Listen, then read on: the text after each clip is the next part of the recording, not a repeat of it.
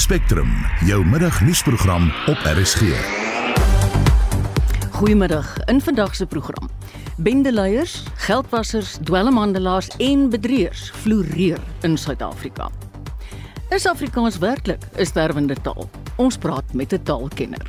En reaksie op Rassie Erasmus weer deur die wêreldrugby geskort. Dit kan moontlik die Springbokke in die toekoms kos, veral as jy nou dink 'n volgende week se wedstryd teen Engeland eh, waar Erasmus se kennis van Eddie Jones van kardinale belang sou wees en hy sal nou nie daardie wedstryd kan bywoon. Ek hoop net hy leer uit sy skorsing nou uit. Ja, ons hoop ook so. welkom by Spectrum. Die span is redakteur Wessel Pretorius, produksieregisseur Johan Pieterse en ek is Marieta Kreer.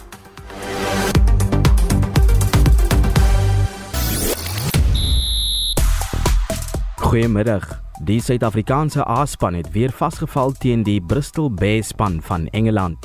In sokker kom Bafana Bafana gisteraand van agter om die Mosambiekse Mambas te tem en Rafael Nadal verlaat die ATP eindstryd met 'n troosoorwinning. Meer sport volg bietjie later. Dis Christo Gawie vir RSG Sport. Hitsmerk Rip Twitter is wêreldwyd die gewildste gonswoord. Dit is die vinnigste wat 'n hits nog ooit op Twitter versprei het. Elon Musk het vroeër aan werknemers gesê hulle moet hulself daartoe verbind om onmenslike lang ure te werk of 'n skeiingspakket te aanvaar. Volgens berigte beoog meer as 42% van werknemers om die maatskappy te groet. Dis nou die wat oorgebly het na die afdankings. In 'n poging om die reuse uittog te verhoed, is daar sprake dat Twitter sy deure tydelik tot en met 21 November gaan sluit. Daar is ook gerugte dat voormalige werkers reeds beleggers genader het om 'n nuwe platform op die been te bring. Gebruikers beskryf Twitter as die sinkende Titanic met die Suid-Afrikaans gebore Elon Musk wat die ysberg is. Jong, dis nogal rof, né? En die stoel wil maar net nie gaan lê oor die bekroonde Hollywood aktrise Charlize Theron nie, oor haar opmerking dat Afrikaans 'n sterwende taal is. Theron het die opmerkings in 'n aflewering van 'n Amerikaanse potgooi Smartless gemaak.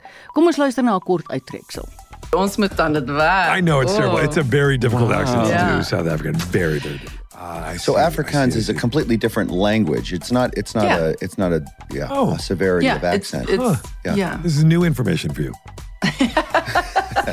um, Wow. it, it is a combination. There's about 44 people still speaking it. It's definitely a dying language. It's not a very helpful language. Do we know what it is a combination of? Ja, wat is jou mening oor haar uitlatings? Asseblief, ons wil graag hoor hoe die luisteraars voel. Stuur gerus 'n SMS 45889 teen R50 per boodskap en jy kan die Monitor Spectrum Facebookblad gerus besoek of 'n stemnota na ons WhatsApp nommer 076 536 6961. Welkom terug by Spectrum. Dis 9 minute oor 12. Suid-Afrika blyk nie net 'n veilige hawe vir internasionale skurke te wees nie, maar internasionale bendeleiers, geldwassers, dwelmhandelaars en bedrieërs floreer in ons land. Drie Bulgaarse dwelmhandelaars is verlede jaar tronkstraf opgelê nadat meer as 500 miljoen rand se dwelms op hulle boot in Saldanha Bay gekry is. Die Tsjechiese maffiabaas Radovan Kretschmer het in 2007 in Johannesburg kom neskop en is eers in 2013 vasgetrek vir sy oortredings in ons land. In die jongste geval is 'n Israeliese burger wat sedert 2015 deur Interpol gesoek is, in Bryanston in Johannesburg vasgetrek. Dan het ons nog nie eens gepraat van ISIS en die dreigende bomaanval in Sandton of die Gupta broers nie. Ons praat nou met 'n senior opleidingskoördineerder van die Enact program by die Instituut vir Sekuriteitsstudies, Willem Els. Goeiemôre Willem. Goeiemôre Marieta. Hoekom is Suid-Afrika so aanloklik vir internasionale boewe? Jong Marieta, ongelukkig, jy weet as hulle praat van 'n storm en vir 'n storm om 'n perfekte storm te te, te, te ontwikkel, dan uh, het jy natuurlik al die ideale omstandighede nodig vir die storm om te ontwikkel. En ons sien daai parallel kan ons trek na Suid-Afrika toe waar dit kom uh, by georganiseerde misdaad en natuurlik 'n transnasionale uh, georganiseerde misdaad. Ek dink die gebeure van die afgelope 'n klompie jare in Suid-Afrika met die gepaardgaande uh, staatskaping ensovoorts het natuurlik ideale omstandighede geskep vir die organisasies en syndikaate om nes te skop in Suid-Afrika en natuurlik te floreer. Ek was so verbaas gister Willem toe ek in die nuus lees dat dit Interpol Suid-Afrika se tak is en nie eers die SAPD wat hulle gevang het nie. Ja, ek dink ek dink dit is meer uh uh die manier hoe dit hoe dit oorgekom het. Uh hoe hoe Interpol werk. Interpol is natuurlik die internasionale skakel uh, tussen die verskillende polisiemagte en dis natuurlik waar die rooi vlag natuurlik opgesit is in 2015 soos jy genoem het vir hierdie Israelië en dan natuurlik uh, gee hulle die inligting dan deur vir die plaaslike owerhede, die plaaslike polisie uh ondersoekbeamptes wat dan met hierdie ding ondersoek. Hulle is 'n soort van die koördineerders, die tussengangers mm. waar die speurders natuurlik en in die geval die Hawks die uh, die ondersoekwerk doen. Willem dink jy ons het die vermoë om internasionale skelms vas te trek? Dit is ongelukkig uh dink ek uh, dat ons het uh die afgelope jaar, klompie jare baie van ons vermoë verloor. Uh dit was natuurlik georkestreer deur verskeie dinge soos die staatskaping wat ons benoem het en uh, wat natuurlik die die uh die kapasiteit van die mense um, aansienlik verswak het. Ons moet net sê dat uh, dat daar is verskeie mense soos wat ons gesien het uh, die die ondersoekbeamptes in die in die saak in Saldanha. Natuurlik hier ook en met die ander sake wat wat natuurlik uit die uit die uh, water uit staan en hulle werk doen. Maar dit ons kry die indruk hmm. dat die mense algeheel absoluut oorweldig is. Die die bietjie ou mense wat nog die werk wil en kan doen is is so oorweldig met die met die aanval van die internasionale syndikaate dat as daar nie uh, baie vinnig uh, werk gemaak van word nie, gaan dit hulle heeltemal verswelg. Wil met ons enigsins 'n idee hoeveel internasionale misdadigers of syndikaate in die land bedrywig is? Marieta, ek dink die die kort antwoord is ek dink nie ons het 'n regte idee nie. As jy kyk na wat gebeur het verlede jaar in in in Julie met die met die met die oproer wat plaasvind, sien ons dat ons ons intelligensie uh, kapasiteit is heeltemal nie wat dit moet wees nie. Dit het natuurlik ook uitgekom in die Mufamadi verslag. En dit is gewoonlik waar dit begin. As jy nie met 'n intelligensie netwerk en kapasiteit hmm. werk nie, is dit baie moeilik vir 'n land om geregeer te word van af besluitneming want dit is die mense wat vir jou die vooraf waarskuwing moet gee, jou ook op hoogte moet hou en ek ek gebruik gewoonlik die metafoor dat uh, dit is soos 'n man met 'n wit stok loop uh, wat nie kan sien nie wat blind is. Die mense moet dan blinde besluite neem as gevolg van die feit dat hulle nie toegang tot uh, tot tot uh, intelligensie het wat uh, wat hulle nie kan help daarmee nie. Ja, mens wonder wat is nou die beeld van Suid-Afrika in die internasionale gemeenskap?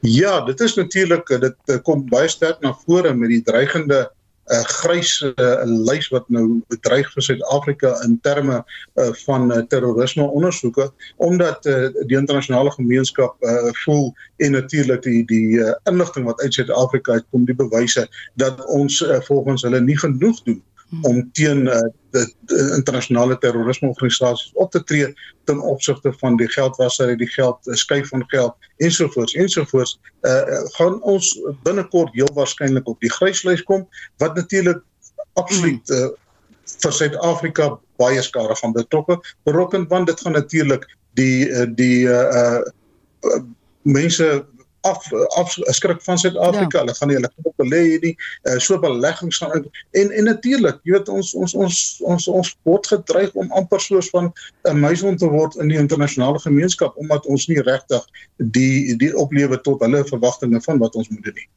Baie dankie Willem. Dit was Willem Else senior opleidingskoördineerder van die Enact program by die Instituut vir Sekuriteitsstudies presies kwart oor 12. Die spreker van die Amerikaanse Huis van Verteenwoordigers, Nancy Pelosi, gaan nie staan om herverkies te word tot die Demokratiese Party se leierskorps nie. Sy het haar uittrede gister aangekondig, maar het bevestig dat sy sal voortgaan om haar distrik in San Francisco in die Huis van Verteenwoordigers te verteenwoordig. Kom ons hoor wat sy gesê het. Scripture teaches us that for everything there is a season, a time for every purpose under heaven. My friends, no matter what title you all, my colleagues, have bestowed upon me speaker, leader, whip there is no greater official honor for me than to stand on this floor and to speak for the people of San Francisco. This I will continue to do as a member of the House, serving the great state of California and defending our Constitution. And with great confidence in our caucus, I will not seek reelection to Democratic leadership in the next Congress. For me, the hours come for a new generation to lead the Democratic caucus, and I'm grateful that so many are ready and willing to shoulder this awesome responsibility. Dit dan die uittredende spreker van die Amerikaanse Huis van Verteenwoordigers, Nancy Pelosi. Ons praat nou verder hieroor met Jaco Kleinhans, Solidariteit se hoof van internasionale skakeling. Goeiemôre Jaco. Goeiemiddag Marita. Die 82-jarige Pelosi is nou die eerste vrou wat as spreker in die huis gedien het en sy word deur sommiges as die magtigste lid van die demokrate beskryf. Wat was van haar groot suksesse? Ja, ek dink die grootste sukses van Nancy Pelosi is juis haar politieke vermoë die afgelope 25 jaar. Jy weet sy het 18 termyne al in die huis uitgedien sy in 1987 verkies en 2007 het sy uh, speaker geword en sy het baie storms uh, deurgesien. Jy weet vier presidente, twee demokrate, twee republikeine. Uh, in 2010 het sy 'n groot verkiesing verloor die, die ja, party die demokrate het meer as 60 setels verloor, maar sy het teruggekom in 2018 'n verkiesing weer gewen. Uh, nadat sy vir 8 jaar in die oppositie was um, en sy weer speaker geword. Met ander woorde, haar vermoë binne die demokratiese party uh, om uh, as 'n leier uh, op te tree, uh, om wetgewing weer te kry en dissipline binne die caucus te behou vir altyd in Barack Obama se presidentskap waar sy dit reg gekry het om die demokrate bymekaar te hou, uh, wetgewing soos Obama keer te laat goedkeur.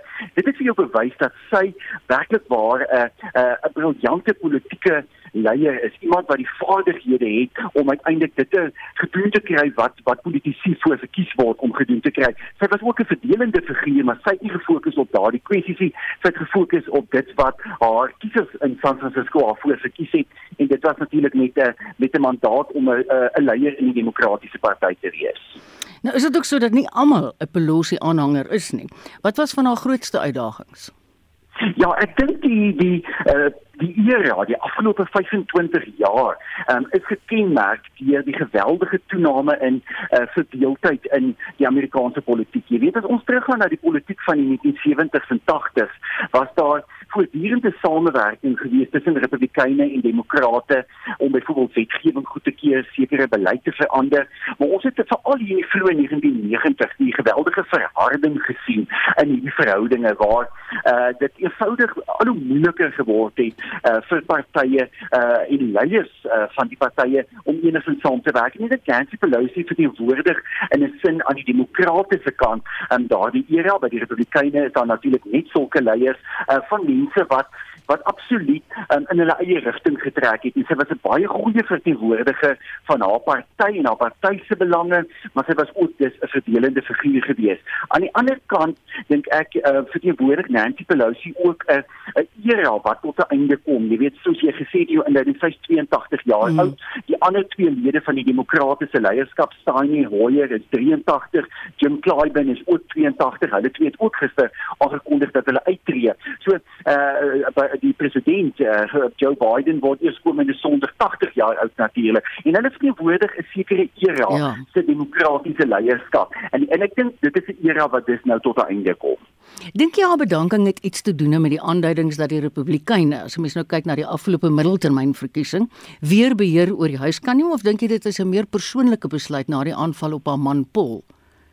Ek dink dit is iets van beide. Kyk, mense het eintlik al gedink of uh, daar is gesê in 2010, uh, toe sy 'n baie groot nederlaag gelei het en haar party 63 setels verloor het, dat Nancy Pelosi gaan nou uittreë glad en sy het vir 8 jaar uh, as leier van die minderheidsparty uh, gedien. Um, so ek ek dink die feit dat die demokrate setels verloor het in die huis van verteenwoordigers dat die republikeine van Januarie af in die meerderheid gaan wees, is definitief een rede. Ek sou sê daar's waarskynlik drie redes breedweg. Die een is dat sy voel uh, sy was nou 'n hele klompie jare speaker, sy het hierdie leierskapsrol vervul. Aan die ander kant is sy nie meer jonkie, sy's 82, daar's druk uh, op die demokrate om jonger leierskap 'n kans te gee en die aanval op haar man wat ook redelik bejaard reeds is, is dis die verrede. Jy weet Washington DC en San Francisco is nie naby aan mekaar nie, mm. duisende kilometer van mekaar verwyder en mense sou dink dat sy waarskynlik uh, 'n bietjie minder wil werk, 'n bietjie meer op haar familie wil wil fokus en ek dink dit is hierdie drie redes wat haar gemotiveer het om as 'n leier uh, dan nou uit te tree. Jaco sy gaan nou nog tot Januarie in die amp aanbly. Wie dink jy is die verwagting aan die demokratiese kant vir leierskap in die huis van verteenwoordigers? Ek dink op hierdie stadium is daar drie kandidaate wat uh, in al drie gevalle sal beteken dat die leierskap omtrent met met 30 jaar uh, sal verminder. Want ek dink die demokrate is 'n groot uitdaging by het. Ehm uh, beide in die huis en in die senaat, maar selfs in die Wit Huis, jy weet met, met president Biden, het die demokrate ouderdoms uitdaging. Nou die die voorloper op die oomblik is Hakeem Jeffries. Hy is 'n uh, lid van die huis in New York en in Brooklyn en Queens. Hy reeds deel van die leierskap. Hy's 52 jaar oud. Ehm um, en hy en hy sê sê baie sterk voor hy sal ook die eerste swart speaker van die huis afdeelwoordigers wees of nee, speaker dan nou nie maar wel 'n leier van van 'n party wees. En die ander twee lede is Catherine Clark van Massachusetts en Peter uh, Aguilar uh, uh, van Kalifornië. Die probleem hier is en ons sien presies dieselfde met die Republikeine en hulle leierskap wat hulle ook verkies dat al drie die figure is ook mense wat sterk steun geniet onder die demokrate onder neoliberale kiesers maar wat natuurlik um, ook verdelende figure is en en dit gaan die uitdaging dink ek in die Amerikaanse politiek oor die volgende jaar of 2 3 wees is dat die republikeine en die demokrate het leiers wat nie mense bymekaar bring nie wat hulle eie faksies verteenwoordig en uiteindelik wat die Amerikaanse politiek tans nodig het is dat daar een of ander soort van konsensus gevind moet word oor mm. wat die pad vorentoe moet wees. Jaco baie dankie. Dit was solidariteit se hoof van internasionale skakeling Jaco Kleinhans. Die departement van korrektiewe dienste se nasionale kommissaris Makgotti Tobakgale sê 16 van die 21 mense wat vanjaar uit gevangenes ontsnap het, is weer in hegtenis geneem. Hy het gister bevestig tydens 'n klopjag by die St Albans gevangenis in die Nelson Mandela Bay Metro in die Oos-Kaap. Joan Marie Verhoef doen verslag. Fafa Lima, Fafa Lima. Fafa Lima, Die klopjag is gisteraand by die maksimum sekuriteitsafdeling by St Albans uitgevoer. Tobakgale sê die klopjagte dien 'n aantal funksies. This is a section that houses lifers. So these are offenders that are sentenced for serious crimes. We found wires that are used for different purposes. There are some of the dangerous objects that we found in here. Our aim is to make it a point that we keep clean facilities First, in terms of contrabands, so your cell phones, the unlawful objects that are not supposed to be in the facilities, we clean them out. This is also to help the offenders themselves to continue keeping a clean record because if they don't, obviously, we have to discipline them. Sewe gevangenes het onlangs uit die Makanda gevangenis ontsnap. 3 van hulle is weer in hegtenis geneem en Tobagane sê die ander 4 word steeds gesoek. We have a, an escape prevention strategy that we are rolling out nationally. But most importantly, there's what we call standard operating procedures. We have to make it a point that our officials examine and they inspect the, the cells each and every day. So in the morning when we do a logout where we take offenders to serve them breakfast, that's the time that we should be inspecting the cell. The windows, the bars, you know, we check around the cell if there's any object that can be utilized during an escape. Secondly, we need to also make sure that we control the movements around the correctional facility. There should not be an offender that moves around without two officials escorting that offender. Three is to ensure that we patrol the perimeter. Daar is meer as 155 000 gevangenes in korrektiewe fasiliteite reg oor die land en die departement erken sy tronke is erg oorbevolk. Die verslag van Luando Nomoy in Kreberga, ek is Jomari Verhoef vir SAK nuus. Ja, so van misdaad gepraat. Die aantal ontvoerings in Suid-Afrika het die afgelope jaar skerp toegeneem. In die eerste 6 maande van die jaar is daar maandeliks meer as 1140 ontvoerings by die polisie aangemeld. Vir meer hieroor praat ons met Lizet Lancaster, die bestuurder van Misdaad en Geregtigheidsplatform by die Instituut vir Sekuriteitsstudies. Goeiemôre Lizet. Goeiemiddag Marietta en aan jou luisteraars. Hoe groot is die toename in ontvoerings en in watter provinsies sien ons dit die meeste? Hmm. So as ons kyk in die afgelope dekade en 'n half, sien ons omtrent 'n 200% um verhoging in ontvoering en in die afgelope 2 jaar um omtrent 'n 53% verhoging van omtrent 6600 gevalle in 2019 2020 tot omtrent 10143 in 2021 22 finansiële jare. So dit werk nou en as ons nou kyk na van die kwartaallikse data wat die polisie um gegee het vir ons vir April tot Junie hierdie jaar, lyk dit soos omtrent 39 ontvoerings se dag eh, gemiddeld wat by die polisie aangemeld word. Natuurlik nie almal word aangemeld nie. Mm. Dit is Een ding, Lizet, is dit meestal vermoënde mense of sakemanne is daar 'n bepaalde teikengroep? Ehm um, maar ook ons ons moet versigtig wees oor hoe ons hierdie ding benader want ons hoor altyd van die kindertjies en ons sien nie sakemanne maar ons alle in ons alledaagse lewens is dit elkeen van ons wat kan ontvoer raak en dit is omdat daar so ook 'n toename is in geweldsmisdaad ja. veral gewapende rowe so hmm. meeste van hierdie ontvoerings gebeur gedurende kapings veral ehm um, voertuigkapings so dit is wanneer mense rondgery word sodat daar toegang tot hulle bankkaarte kan kry en soms oornag vir jy weet wanneer hulle limite weer ge hmm. um weer in berekening geneem word en ook deesdae as jy selfoon en jy 'n uh, bank applikasies op jou foon het gebruik hulle behou hulle ook gevangenes sodat hulle toegang daartoe kan kry of om jou tracking device basies, jy weet, nie te laat aktiveer nie. So meeste ontvoerings gebeur gedurende ander misdade soos gewapende rowe of jy weet um mm. daai tipe van geweldsmisdade. Die tipe wat vir afpersing of vir losprys um is is omtrent so 5% van die aangemelde Net so min. Getalle. Net so Net min. so min. Jo. En dit is dalk, jy weet 'n verskriklike onder rapportering omdat dit so sensitiewe saak is mm. vir die familie. So baie dikwels dalk um, weet ons nie daarvan nie. Dit word nie aan die polisie aangemeld nie want jy weet um, die families hanteer dit persoonlik of of in privaatheid ja. omdat hulle bang is iets gebeur met hulle mm.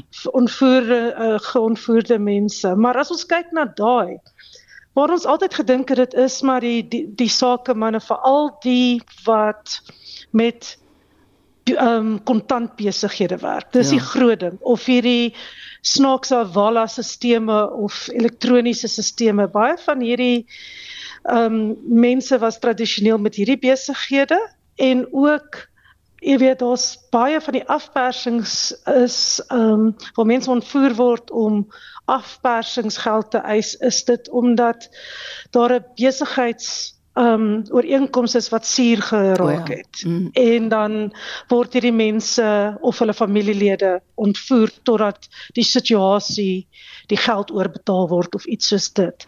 Maar wat ons nou ook sien van COVID af is dat daar 'n toename is aan algemene mense wat verlosprys ontvoer word.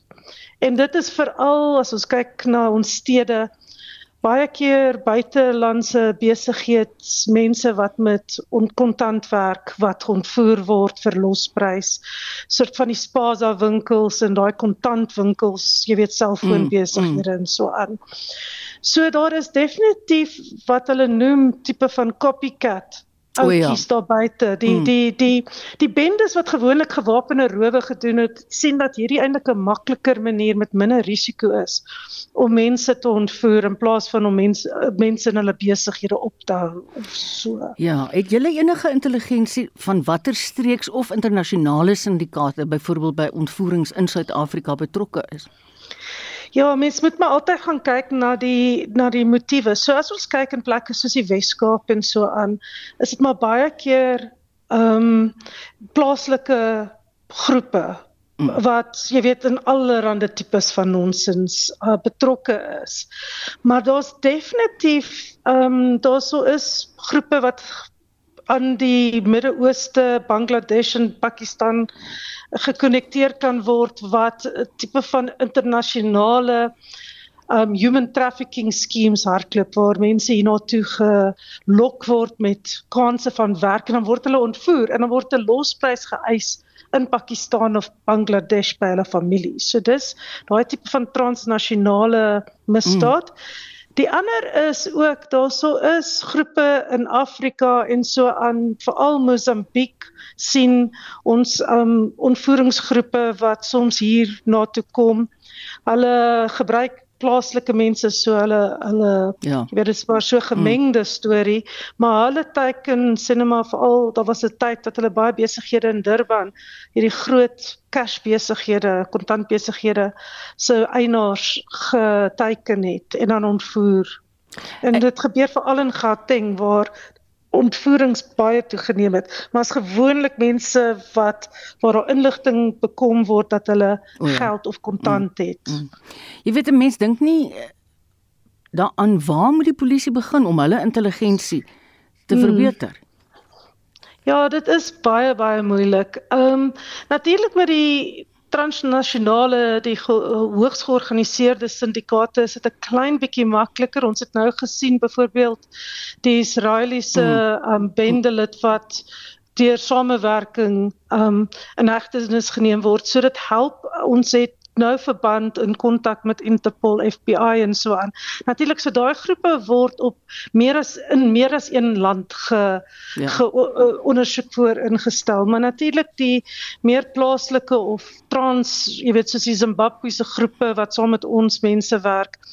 Dit is waar om, jy weet, ehm um, die nasionale vervolgingsgesag se hoof so sê ons het hulp nodig ons het meer mense nodig wat mm. wat ehm um, want jy het die vervolgingsgesag en die polisie nodig om die geld te trek en natuurlik is dit baie moeilik wanneer ons praat met kripto ja.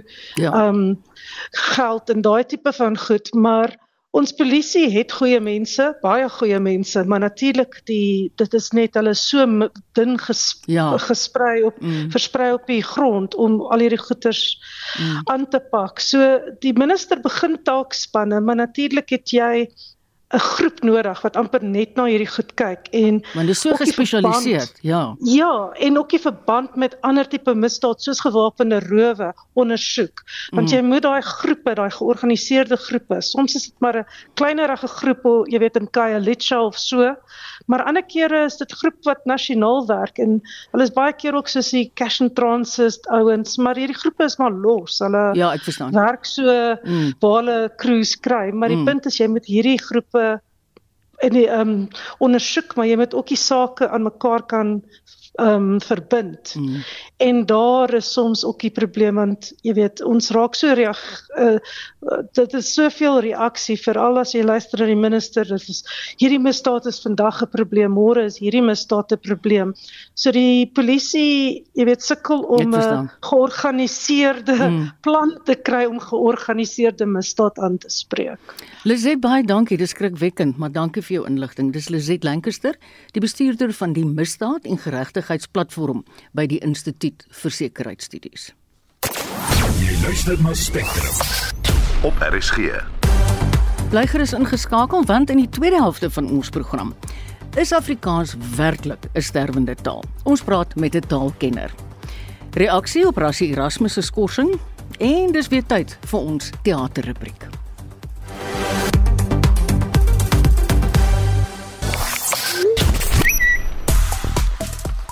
Hitsmerk Rip Twitter is steeds die gewildste gonswoord op Twitter. Kort op sy hakke is hitsmerk Afrikaans, daarna hitsmerk Elon, gevolg deur die hitsmerk Charlize Theron.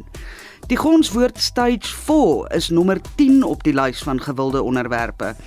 'n Gebruiker skryf hy kan nie verstaan hoe ons as landsburgers sonder enige protes gelate toe kyk hoe ons wipplank ry tussen die beerdkragfases en niks word daaraan gedoen nie. Sien net vir my voordat jy weggaan, ek wil jou net vra, daai rip Twitter, is dit nou soos rest in peace? Dis rest in peace. Ah. Kom ons kyk 'n bietjie. Ek het vroeër vanmiddag gevra wat voel ons luisteraars oor die Charlize Theron opmerking wat sy gesê het Afrikaans is besig om dood te gaan En julle sal nie glo die ontsettende reaksie wat ons gekry het nie. Kom ons hoor wat van julle dink. Afrikaans kan jy nie klop nie. Jy kan dit voel, dit is pragtig. Jy kan jouself nie beter uitdruk as in Afrikaans nie. En ek sal dit aanhou praat tot die dag wat ek die tydelike met die ewige uitruil. Ja, Salis, jy het Afrikaans weer eintlik onder die soeklig gesit. Ons as Suid-Afrikaners, ons praat Afrikaans by die huis, dan kom ons in die publiek dan praat ons skielik Engels. Afrikaans is bo. Mense praat julle taal by die huis en ook in die publiek. Daar's geen ander taal in die wêreld wat jy jouself kan uitdruk, behoorlik kan uitdruk en op 'n lieflike manier kan uitdruk as Afrikaans nie. Nie Khoza, Zulu, Venda, Setswana whatever. Daar's geen ander taal nie. Afrikaans is besig om te groei. Het hulle nie geleer nie, onderdrukke taal. Veral as daar meer as 'n miljoen mense dit praat. Onderdruk daai taal en groei hy juis. Los Afrikaans uit. Afrikaans sal nooit sterwend wees solank die wat vir hom lief is, hom praat en hom koester nie. Sosialist Tron se opmerkings is totaal ongevraagd en totaal onvanpas. Ek persoonlik dink sy vergeet wat die waarheid is. Baie jare terug, toe is daar net so greepie van haar waar sy op 'n rooi tapuit haar aksent verloor het, haar Amerikaanse aksent verloor het. En uh, sy het met 'n Suid-Afrikaanse aksent gepraat en toe het sy oorgegaan na die rrr, die Amerikaanse rrr toe. So nee, ek dink die kind is bietjie fake. Ek dink mense is veronderstel of sien jy het nie nodig om Charlize Theron se opmerking oor Afrikaans dat net 44 mense nog Afrikaans praat. Eh dat hulle ernstig hoef op te neem nie, want Afrikaans is taal wat deur miljoene mense gepraat word. Die enigste ding is maar net ek dink Charlize moet versigtig wees vir wat sy sê want sy's 'n professional. So sien baie versigtig is met die opmerking en die ander mense wat voel hulle stem saam met Charlize se opmerking oor die feit dat Afrikaans kan sommer ontslaa raak van Afrikaans. Dis is 'n grap. Ek is trots om Afrikaans te kan praat. Ek is 'n gebore Afrikaner en ek sal in my graf gaan Afrikaans en bewaar die een se siel wat enige ander taal op my begrafnis kom sing of speel. Glo my, ek sal hom aan sy tone gryp. jy kan gerus nog saam praat as jy wil oor hierdie of enige ander onderwerp. Stuur vir ons 'n SMS 45889 teen R50 per boodskap en besoek die Monitor Spectrum Facebookblad. Altyd 'n stemnota baie welkom. Dis op ons WhatsApp nommer 076 536 6961. Christo Gawie sit nou gereed met vandag se sporthoogtepunte. Goeiemiddag. Suid-Afrika se A-span het weer vasgeval teen Bristol Bears wat met 26-18 oor die Bokke geseëvier het. Die Springbokke kom môre middag teen Italië te staan. Skotland kom môre middag teen Argentinië te staan, asook Nieu-Seeland wat Engeland om 08:30 môre aanpak. In sokker het Bafana Bafana gisteraand in die Mbombela Stadion Mosambiek met 2-1 verslaan in 'n internasionale vriendskaplike wedstryd. Bafana het herstel in die eerste helfte van 'n vertoning waarin hul belowende aangeespel deur verdedigingsfoute gekniehalter is, toe Bongo Kuhle Hlongwane twee vinnige doele aangeteken het om 'n oorwinning te verseker. Suid-Afrika Sondagmiddag weer in aksie wanneer hulle teen Angola te staan kom in nog 'n vriendskaplike kragmeting. In nog sokker sê Portugal se voorspeler Cristiano Ronaldo sy land het uitstekende groep spelers en dat hulle in staat is om goed te vaar in die sokker wêreldbeker toernooi in Qatar. Hy sê hy droom daarvan om die wêreldbeker te wen, maar dat dit moeilik sal wees om die trofee te lig met spanne soos Frankryk, Spanje, Argentinië, Duitsland en Brasilië. Die 37-jarige Ronaldo sê dat Qatar waarskynlik sy laaste wêreldbeker sal wees aangesien hy beplan om op 40 uit te tree. Die sokker wêreldbeker skop Sondag af met Qatar en Ecuador in aksie om 6 namiddag Suid-Afrikaanse tyd. En Rafael Nadal het Casper Ruud met 7-5 en 7-5 geklop in die ATP eindstryd.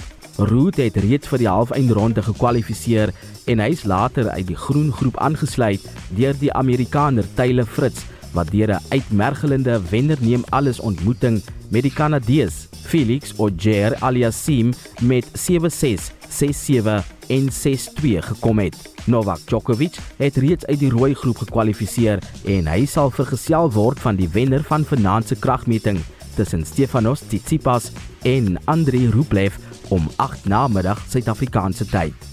En in cricket kom Australië en Engeland môre teen mekaar te staan in hulle tweede eendag internasionale kragmeting wat vroegoggend Suid-Afrikaanse tyd begin. Sondagoggend vroeg pak die Thaise vroue en die Nederlandse vroue mekaar, as ook Nieu-Seeland en Indië wat mekaar om 09:30 Sondagoggend pak. En dit was Christo Gawie met RSG se hoogtepunte wat die sport betref. Maar vir nou bly ons eers by môre middag se toets tussen die Springbokke en die Azzurri, Italië.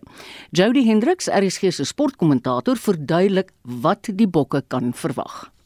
Ek dink die toetswedstryd teen Italië môre is 'n moeilike een vir die Springbokke. Onthou Italië het ook verlede naweek vir Australië in 'n toetswedstryd geklop en hulle sal op daardie momentum wil bou en dan ook eh, die Springbokke van vroeg af onder druk wil sit in die kragmeting. In terme van spankeuses vir die Springbokke, 'n paar interessante spankeuses wat Jacques Ninaber die week gemaak het. Ek dink die slotpaar van Salman Morat en Marvin Orri gaan onder groot druk geplaas word hulle nog onervare onder 10 toetse vir die Springbokke gespeel. Ek dink ook die skakelpaar van Faf de Klerk en Damian Willemse sal hul staal moet wys. Dis moontlik de Klerk se laaste toets omdat volgende week se wedstryd teen Engeland buite die toetsvenster val en baie van die oorseese spelers se laaste wedstryd die naweek teen Italië op loskakel Damian Willemse gaan weer onder groot druk wees veral vir sy taktiese skoppe en ook stelskoppe as hy dit waarneem. Dit gaan ook interessant wees om te sien wie die stelskoppe vir die Springbokke doen. Chesley en Colby het verlede week met redelike sukses gedoen en ook Faf de Klerk en Damian Willemse wat bygedra het eh, met die skopskoen, maar ek dink 'n uh, gevestigde stelskopper is wat die Springbokke nodig het veral in 'n so 'n wedstryd teen 'n span soos Italië. Ook die senterpaar wat my oog gevang het van die bokke, Andre Esterhuizen 'n sterk binnesenter wat uh, net vir die tweede keer van die jaar speelkans in die groen en goud kry en Damian Dalende wat 'n uh, heel jaar die nommer 12 trial vir die bokke gedraai het. Hy skuif na buite senter en nou hoe hulle gaan kombineer gaan baie belangrik wees vir die bokke. Op die aanval dink ek iemand soos Kurtley Arendse moet soveel bal as moontlik kry. Hy het al 2-3 op van jaar se jare in toer gedruk en uh, die agterste driehoek van hom Willie Leroux en Cheslin Colby moet spasie kry en ook bal in hand in indien hulle die Springbokke op die voorvoet wil sit. En dan in terme van die sogenaamde bomb squad of die reservespelers 'n groot rol wat op hulle wag, uh, iemand soos Eben Etzebeth wat op die reservebank gekies is, meer as 100 toetse nie aldag wat jy vir hom op die reservebank vir die Springbokke sien. So ek dink hulle sal 'n groot impak hier in die tweede helfte moet maak, maar ek dink die Springbokke behoort net te sterk te wees en die wedstryd met so tussen 10 en 14 punte te wen. Kom ons hoop so Jody, die toets begin om 3 uur môre middag en RSG gaan deurlopend verslae gee. En as mens rugby praat, moet 'n mens ook na die direkteur van SA Rugby, Rassie Erasmus se lot verwys. Hy is weer deur wêreld rugby geskort na sy kritiek op sosiale media. Jody gee sy mening. Ek dink wêreld rugby het geen ander keuse gehad behalwe om SA Rugby se direkteur van rugby Rassie Erasmus vir die tweede keer in 18 maande te skors vir kritiekuitlatings en video's wat hy op sosiale media geplaas het waar hy krities is teenoor skeieregters en hul beslissings waar die Springbokke aan die verloorkant was. Daardie bekende lang video wat hy na die eerste nederlaag teen die Britse en Ierse Lions gemaak het, is nog vars in ons en wêreld rugby se geheue en nou 'n paar maande later is hy weer geskort vir 'n soortgelyke oortreding, maar ek dink Erasmus sal moet leer uit die foutheid wat hy gemaak het wêreld rugby. Gaan dit nie meer duld nie, veral as jy kyk na die voormalige bekende skeieregter Nigel Owens en ook die voormalige afrigter van die Britse en Ierse Lions Warren Gatland wat wêreld rugby aangemoedig het om op te tree teen Erasmus. Ek dink SA Rugby sal ook met Erasmus moet praat oor sy uitlatings want dit kan moontlik die Springbokke in die toekoms kos. Ehm um, veral as jy nou dink 'n volgende week se wedstryd teen Engeland uh, waar Erasmus se kennis van Eddie Jones van kardinale belang sou wees en hy sal nou nie daardie wedstryd kan bywoon nie. Ek hoop net hy leer uit sy skorsing nou uit en dat hy besef dat dit eintlik SA Rugby en die Springbokke in die steek laat en dat hy liewer sy opinies en kritiek teenoor skeieregters vir homself moet hou of die kanale moet volg wat daar in plek is. Ja, ek sien daar's baie debat ook in die media en op sosiale media. Dankie Jody, dit was Jody Hendriks. Welkom terug by Spectrum 1247. Die Pan Suid-Afrikaanse Taalraad sê in 'n verklaring hy neem met kommer kennis van die neerhalende opmerkings van die Suid-Afrikaans gebore aktrise Charlize Strand, waarin sy die taal verontagsaam en as nutteloos en aan die uitsterf beskryf. Pansat sê Tron is in haar moedertaal in Suid-Afrika onderrig wat die grondslag vir haar roemryke loopbaan was. En ons praat nou daaroor met die taalkundige professor Wannie Karstens. Ek wil jou vra Wannie, Pansat spreek hom nogal baie sterk uit oor Charlize se opmerkings. Dink jy daar's geldige redes? Maar jy het daar's natuurlik geldige redes. Kyk, miskien net ek Charlize Tron dit in 'n geestige of 'n grappige manier bedoel, maar dit het nou nie die reaksie gehad nie. En jy weet die feit dat Pansat gereageer het is nogal vir my besonder interessant want hulle het in die verlede nou nie juist sterk uitsprake oor Afrikaans gemaak nie. So dat dit gedoen is, sê vir my hier is 'n nuwe bewuswording van Afrikaans en die waarde van Afrikaans in die Suid-Afrikaanse samelewing. So ek dink dit is uiters belangrik, hoor. So jy sê Afrikaans is 'n nuttelose taal as mens internasionaal daarna verwys want jy weet, daar is immers mos 'n Afrikaanse afdeling by universiteit in Pole. Ja, uh, Marietta, daar's baie meer plekke waar Afrikaans gedoseer word uh, in Gent en Antwerpen en Leiden en so kan 'n mens aangaan. Nee, Afrikaans is nie 'n nuttelose taal nie. Dit is mag miskien vir haar wees want onthou, uh, Charlize Theron woon in woon in Hollywood.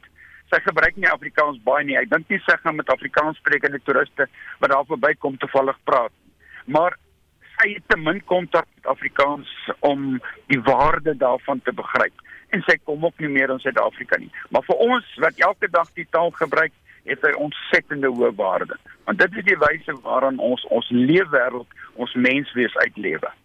Dink jy daar sal vanweer die groot getalle immigrante sal daar dalk Afrikaanse gemeenskappe in ander lande gevestig word? Maar die ETB, baie van hulle is reeds gevestig. Ek dink uh, want Kanada is daar sterk Afrikaanse gemeenskappe, daar is in Australië en Nieu-Seeland en ook in ander plekke en ek sien so baie meer Afrikaners uh, Afrikaanssprekende mense gaan deesdae na die laalande toe. So daar is natuurlik 'n groep mm. Afrikaanssprekendes besig om te ontwikkel. Hulle het selfs in die verlede feeste gehad. Mm. So ja. daar is byvoorbeeld binnekort die fe festival vir dit Afrikaans in Den Haag weer en daar was feeste in in, in Australië en ook in Engeland. Ja. So dit dit is gevestig daar. Ek hoop jy was reg met jou openingsopmerking dat sou dit dalk maar net grappenderwys gesê het. Baie dankie vir jou tyd Wannie. Dis professor Wannie Karstens. Hy was voorheen verbonde aan Pansat. Barry van der Merwe, portefeuljebestuurder by Sanlam Private Welvaart, sit nou gereed met die jongste sake nuus. Hallo Barry. Goeiemiddag Marietta. Die markte in Asië het die dag negatief gesluit met die Hang Seng Indeks in Hong Kong 0.3% laer die Nikkei 225 in Japan 0.1% swakker. Op ons plaaslike beurs verhandel die algehele indeks stand 0.9% hoër vir die dag. By die Hulbron indeks wat 1% sterker staan, die finansiële indeks 1.7% hoër en die nywerheidsindeks 0.6% sewiger. In Europa verhandel die FTSE 100 in Londen, die CAC 40 in Parys sowel as die DAX in Frankfurt al drie 1% hoër. Tans verhandel die rand teen R17.30 teenoor die Amerikaanse dollar R17.95 teenoor die euro en R20.64 teenoor die Britse pond. Op die kommoditeitsfront verhandel goud tans teen 1764 dollar per fyn ons, platinum teen 985 dollar per fyn ons, palladium teen 1981 dollar per fyn ons en Brent olie teen 89 dollar 70 per vat dit aan die einde van die saak nie so terug na jou Marita. Baie baie dankie. Dit was Barry van der Merwe. Hy is portefeuljebestuurder by Sanlam Private Welvaart. Ja, dis Vrydag en dis amptelik tyd nou vir ons teaterrubriek met Frans Swart. Die Stoute Kabouter en die Vermiste Geskenke speel by die Afriforum Theater in Pretoria van 10 tot 15 Desember. Die geskenke is weg. Dit lyk asof die Kersfees donker en somber gaan wees. Wie is te blameer vir die krisis oor Kerstyd? Kan 'n harde hart vernuwe word deur 'n tikkie omgee en sodoende Kersfees se vrolikheid red? Die rolverdeling is Jennifer Meiburg, Wolf Mane en Mignon Pretorius wat die rolle vertolk in hierdie kinderteaterproduksie, propvol joligheid met hoop dansies, liedjies en gehoor interaksie. Ons bly by die wonderlike teater vir die klein goed hierdie feesseisoen. People's Theatre bied Hans Christian Andersen se baie bekende The Little Mermaid aan by die Joburg Theatre tot die 24ste Desember. Nou ek het altyd baie respek gehad vir die besondere werk wat People's Theatre se direkteur Jill Gerard vir kinderproduksies doen. Neem jou kinders om hierdie besondere produksie te gaan sien en glo my daardie opwinding in die klein mensie se oë as hulle lewendige teater ervaar kan met geen geld in die wêreld vergelyk word nie. Ariel is die mooi jonge meermin wat haar oseaanhuis verruil vir die wêreld bo die see. Maar eers moet sy haar vader, koning Triton, trotseer. Sy moet 'n ooreenkoms aangaan met die aaklige seeheks Ursula en dan moet sy prins Erik oortuig dat sy die een is met die mooi stem na wie hy op soek is. Mzansi Ballet bring die baie suksesvolle The Christmas Show terug na die Rodeboort Theater tot 18 Desember. Die direkteur van Mzansi Ballet, Dirk Baardnors, sê dis 'n produksie wat ideaal geskik is vir die feesseisoen. Kersfees is so 'n wonderlike tyd van die jaar en dit is so 'n lekker tyd vir die hele familie om bymekaar te kan wees. En daarom het ons 'n produksie bymekaar gesit wat ballet en musiek en lewendige sangers almal bymekaar bring met die wonderlike musiek van Kersfees en met die hele Kersgety atmosfeer. En dit is wat jy kan verwag wanneer jy ons konsert kom kyk. En daar is van die groot treffers van Stille Nag tot Oh Holy Night tot 'n fantastiese Christmas medley met hierdie verskillende fantastiese Kersfees liedere. Badenor sê dat daar dansers van reg oor die wêreld in hierdie produksie gebruik word. Die dansers is van reg oor die wêreld en sluit in spesifiek dansers soos Monier Juve, 'n wonderlike Kubaanse danser wat in Spanje woon wat al vir jare lank saam met my werk in Suid-Afrika. Marlon Frometa van die Nasionale Ballet van Cuba, Angela Rivi wat een van ons koreograwe is Veronica Lou, 'n pragtballerina van Johannesburg wat deel is van ons groep Avive November van die Weskaap, wat 'n wonderlike koreograaf en 'n fantastiese danser is. Joshua Williams van die Kaap wat in 2016 'n beurs gewen het om in Switserland te gaan studeer en nou terug is om sy wonderlike kuns met ons te deel. So dit is regtig 'n wonderlike groep dansers wat ons die voorreg het en dan 'n paar van ons jong dansers van die Mzansi Ballet Skool en die Mzansi Ballet Junior Geselskap. Hy sê dat daar ook gebruik gemaak word van talentvolle sangers in die produksie. Die twee sangers wat saam met ons optree, Carrie Hiles en Abel Knobel, is fantasties. Ons het jare gelede met Carrie Hiles gewerk in ons produksies van The Queen Show 'n ongelooflike wonderlike sangeres wat net die vermoë het om die gehoor saam met haar te neem op die hele reis deur die Kerstyd. So ons kan nie wag om vir haar saam met ons in die produksie te hê nie. En dan Abel Knobel wat stadig maar seker besig is om vir hom 'n loopbaan te skep as 'n wonderlike TV-akteur en 'n fliekakteur in Suid-Afrika. Dirk Barnors, die direkteur van Mzansi Ballet. The Christmas Show speel nog vanaand by die Rodepoort Theater. Die multimedia kabaret Vincent speel by die Arena van Kunstekaap tot Saterdag 19 November. Dit handel natuurlik oor die tragiese lewe van Vincent van Gogh en sy geliefdes. Daniel Anderson vertel die storie deur toneel en sang. Die produksie Vincent is 'n 2022 Standard Bank Bronze Ovation wenner. Stuur gerus jou teaternuus aan frans@vra.com. Volg ons ook op Facebook by Teaternuus en lees gerus meer by www.teaternuus.co.za. En te oordeel aan sy e-posadres kan jy verstaan dit was Frans Swart. Joan Marie het by my aangesluit hier in die ateljee vir 'n opsomming van vandag se nuusstories. Hallo Joan. Hallo Marietta. Ja, na kommer oor die onverklaarbare en wydverspreide sterftes onder konyne en hase in die Noord- en Wes-Kaap, het die Departement van Landbou, Grondhervorming en Landelike Ontwikkeling nou bevestig dat dit 'n uitbreking is van konyn-ambai siekte. Die departement se woordvoerder, Reggie Ngobu, sê dis die eerste keer dat die siekte in die land aangetref word. Our state veterinary services, private veterinarians, and the Department of Forestry, Fisheries and Environment were involved in the field of investigations. At this stage, it is still unclear how the disease could have entered the country since the importation of rabbits and hares is not allowed. President Cyril Ramaphosa se toespraak by die Nasionale Raad van Provinsies se sitting in die Ugu Distriksmunisipaliteit in KwaZulu-Natal het nie sonder probleme afgeskop nie. Ramaphosa was net van plan om te begin praat toe lede van die EFF in die provinsie hom uitgejou het. 'n Reeks diensleweringkwessies word tydens die sitting bespreek.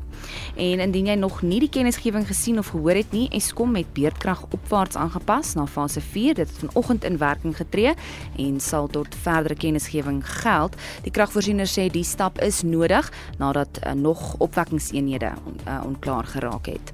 En soos wat Marlies in ons sosiale media verslag genoem het, is Elon Musk besig om groot veranderinge by Twitter te maak. Die sosiale media platform se kantore sal tot maandag gesluit wees en daar's nie 'n spesifieke rede hiervoor gegee nie. Musk wat Twitter onlangs oorgekoop het, het reeds byna 'n helfte van Twitter se arbeidsmag afgedank en het nou 'n ultimatum aan die res gestel. Die BBC se James Clayton het die besonderhede. He said he wanted them to commit to new hardcore working conditions with long hours and gave them a 5 pm deadline on Thursday to agree. Many employees decided to quit instead. One staff member who left told the BBC that they didn't want to work for someone who threatened them over email again and again. Twitter has now closed its offices until next week. But with so few staff working at Twitter, there are worries that it doesn't have enough engineers to keep the platform up and running. En dis die BBC se James Clayton. Baie dankie, dit was Joan Marie Verhoef. Vinnig vinnig gee ek gou genoeg terugvoer van die luisteraars. Christy Kalet sê ons het nie haar goedkeuring nodig nie, maar verseker gebruik sy steeds ons sterwende taal wanneer dit haar pas. Dis nou ons praat hier van Shalie Stron. Ria sê duidelik is haar somme effe verkeerd dat 'n mens jouself so met 'n plank kan slaan en dan nog glimlag. Phyllis sê Shalie Stron is nie die barometer van ons taal se voortbestaan nie. Haar opinie behoort eintlik glad nie saak te maak nie. Cathy Leroux sê Afrikaans is my taal. Ek is trots op my Afrikaans. Sy skaam vir wie sy is en waar sy vandaan kom. En Bets Ferreira sê 'n Afrikaanse tydskrif het haar loopbaan afgeskop en dit het sy nou gerieflikheidshalwe vergeet. Nee wat, ek is baie teleurgesteld, maar glad nie verbaas nie. Baie dankie. Ons het onsaglik terugvoer vandag gekry. Ons sê dankie vir julle deelname. Onthou gerus vanmiddag kwart voor 6 brandpunt om die dag se groot nuus vir jou op te som. Ek groet namens die uitvoerende regisseur Nicoline de Wee, redakteur Wessel Pretorius, produksieregisseur Johan Pieterse, Marlies Skeppers het deelgeneem, Jean Marie Verhoeven was saam met my hier, so wie was nog almal hier? Vincent. Net ek en Marlies. Was dit net julle was dit 'n vroue spanpoging? Span. ek groet tot 3 uur vanmiddag in Spitstyd. Totsiens.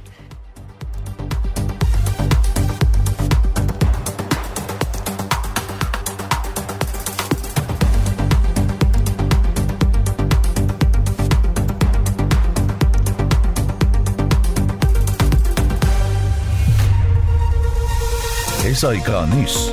Onafhanklik, onpartydig.